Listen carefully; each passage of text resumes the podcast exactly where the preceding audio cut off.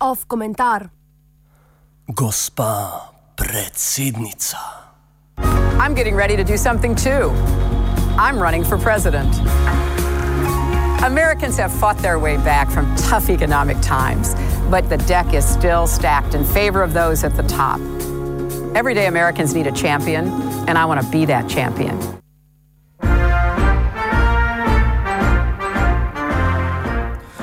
To so besede, s katerimi je Hillary Clinton nagovorila Združene države Amerike in svet v videu, ki oznanja njeno kandidaturo za predsednico ZDA leta 2016.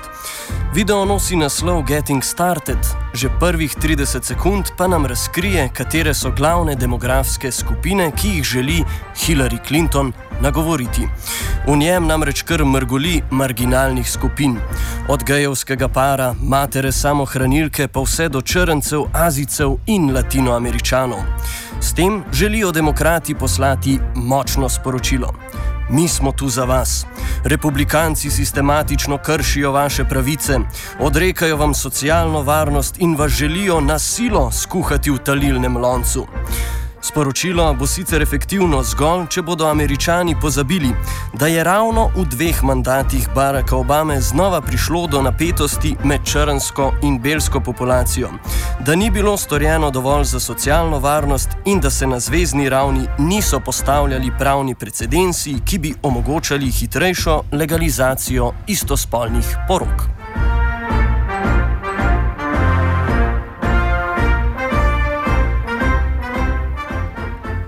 Tokratna kandidatura Hillary Clinton ima kar nekaj usporednic s prvo kandidaturo Baracka Obame.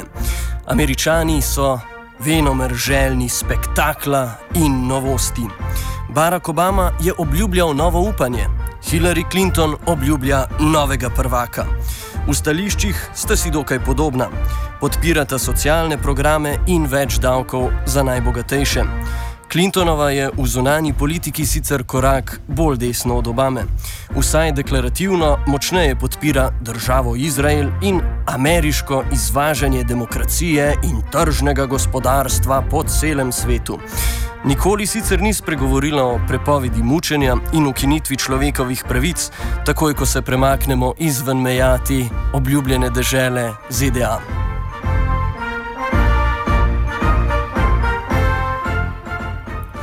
Obama je dal velike zaveze, ki pa jih ni mogel izpolniti. Razočaranje je bilo posledično hudo. Bo Hillary Clinton lahko izpolnila svoje, sicer milejše obljube?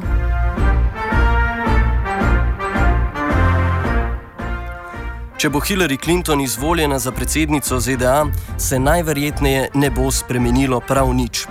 Prvi razlog je prisotnost starih kadrov kot snovalcev konkretnih politik. Tukaj gre predvsem za Johna Podesta, trenutnega vodjo kampanje Hillary for America. John Podesta je prej služboval kot svetovalec Baracka Obame, še prej pa kot vodja kabineta Billa Clintona. John Podesta je tudi ustanovitelj možganskega trusca Center for American Progress oziroma Centra za ameriški razvoj.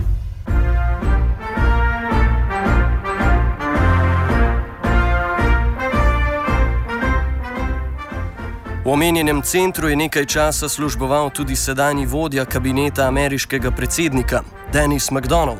Trenutna predsednica tega centra, Nira Tanden, pa je pomagala soustvarjati prvo kampanjo Hillary Clinton.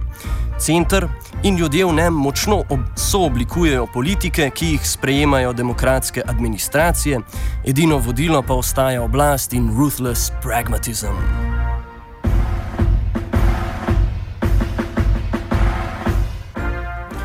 Drugi razlog, ki bo onemogočal spremembe, pa je denar. ZDA so velika država. Med kampanjo je treba lansirati oglase na več sto televizijskih mrežah, prepotovati več sto tisoč kilometrov in prelepiti več milijon oglasnih panojev. Zato so seveda potrebna enormna sredstva. Hillary Clinton naj bi preko posebnih organizacij, imenovanih Political Action Committee oziroma PAC ali Super PAC, zbrala kar 2 milijardi in pol, kar je debelo milijardo več, kot so demokrati za zadnjo kampanjo zbrali na predsedniški tekmi. Za ston kosila seveda ni, le kako pa bo Hillary poplačala dobrim donatorjem.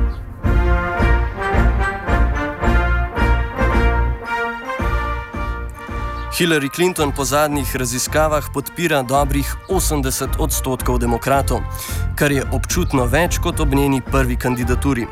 To pomeni, da ji ni treba skrbeti za njeno nominacijo kot uradne kandidatke demokratov za predsedniške volitve leta 2016. Po njenih prvih primarnih volitvah, ko je končala kot tretja uvrščena, je dejala, da ji steklenega stropa sicer ni uspelo prebiti, je pa v njem pustila 18 milijonov razpok. Toliko ljudi je namreč takrat glasovalo za njo.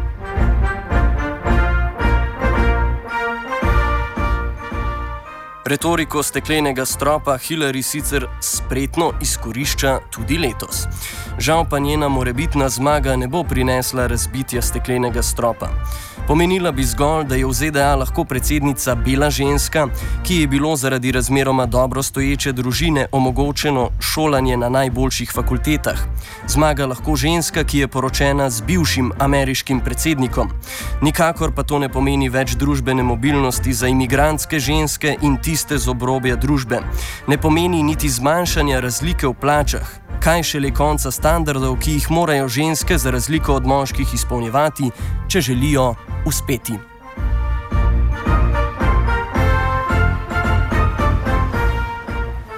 O Hillary Clinton sem razmišljal, Žan Zupan.